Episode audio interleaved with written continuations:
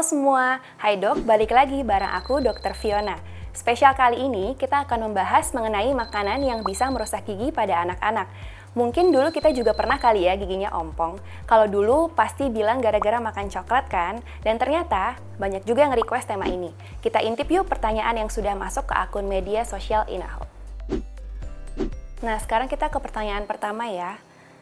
Pertanyaan pertama, Hai dok, benarkah coklat bisa merusak gigi? Selain itu, makanan apa saja yang paling cepat merusak gigi anak selain coklat? Nah, sebenarnya coklat itu sendiri itu mengandung teobromin yang dapat meningkatkan kekuatan dari struktur gigi. Nah, yang menjadi masalah adalah ketika coklat itu diberikan pemanis buatan.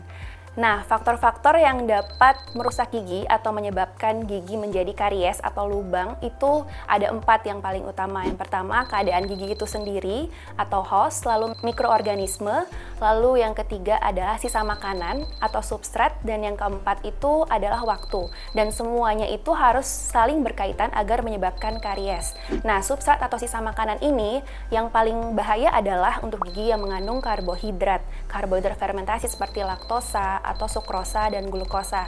Nah, makanan-makanan yang lengket dan padat seperti permen, es krim, manisan, biskuit itu lebih susah dibersihkan uh, di dari gigi sehingga kuman dan bakteri itu dapat menempel lebih cepat di permukaan gigi jika kita sedang memakan makanan yang lengket seperti itu.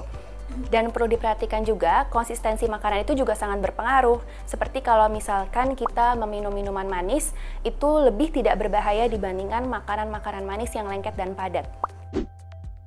Lanjut ke pertanyaan kedua. Pertanyaan kedua adalah, Hai dok, apakah ASI atau susu formula bisa merusak gigi juga? Sebab anak kecil kan belum bisa gosok gigi. Nah, beberapa peneliti itu telah sepakat bahwa ASI adalah non-kariogenik atau bisa disebut tidak dapat menyebabkan lubang pada gigi. Sebenarnya ASI tersebut itu juga mengandung laktosa yang dapat difermentasikan dan akan menjadi asam dan akan merusak gigi. Tetapi ASI juga mempunyai imunoglobulin A dan laktoferin yang menjadi antibodi dari ASI tersebut sehingga prosesnya akan berjalan seimbang dan bakteri yang sudah masuk ke dalam mulut tidak dapat merubah laktosa tersebut atau ASI tersebut yang menempel pada gigi menjadi asam karena telah dilemahkan terlebih dahulu oleh antibodi dari ASI tersebut. E, begitu juga dengan susu formula, justru susu formula itu tidak mempunyai antibodi sehingga lebih berbahaya bagi kesehatan gigi dan mulut pada anak.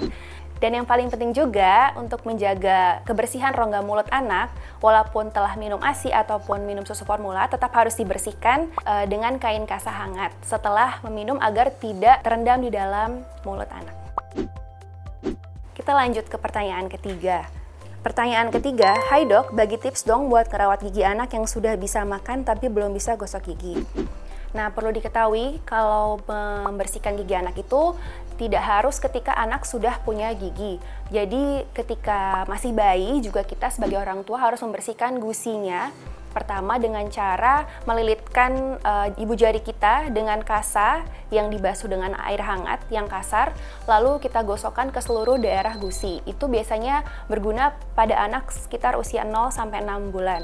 Lalu sekitar 7 sampai 12 bulan anak sudah bisa diajarkan menggunakan sikat gigi, sikat gigi bayi, tapi tidak menggunakan pasta gigi terlebih dahulu. Lalu kita juga harus melihat ya, snack yang dimakan anak. Jika kita memberikan snack yang manis, jangan lupa diseimbangkan dengan snack yang sehat seperti uh, buah-buahan, sayur-sayuran juga yang dipotong-potong.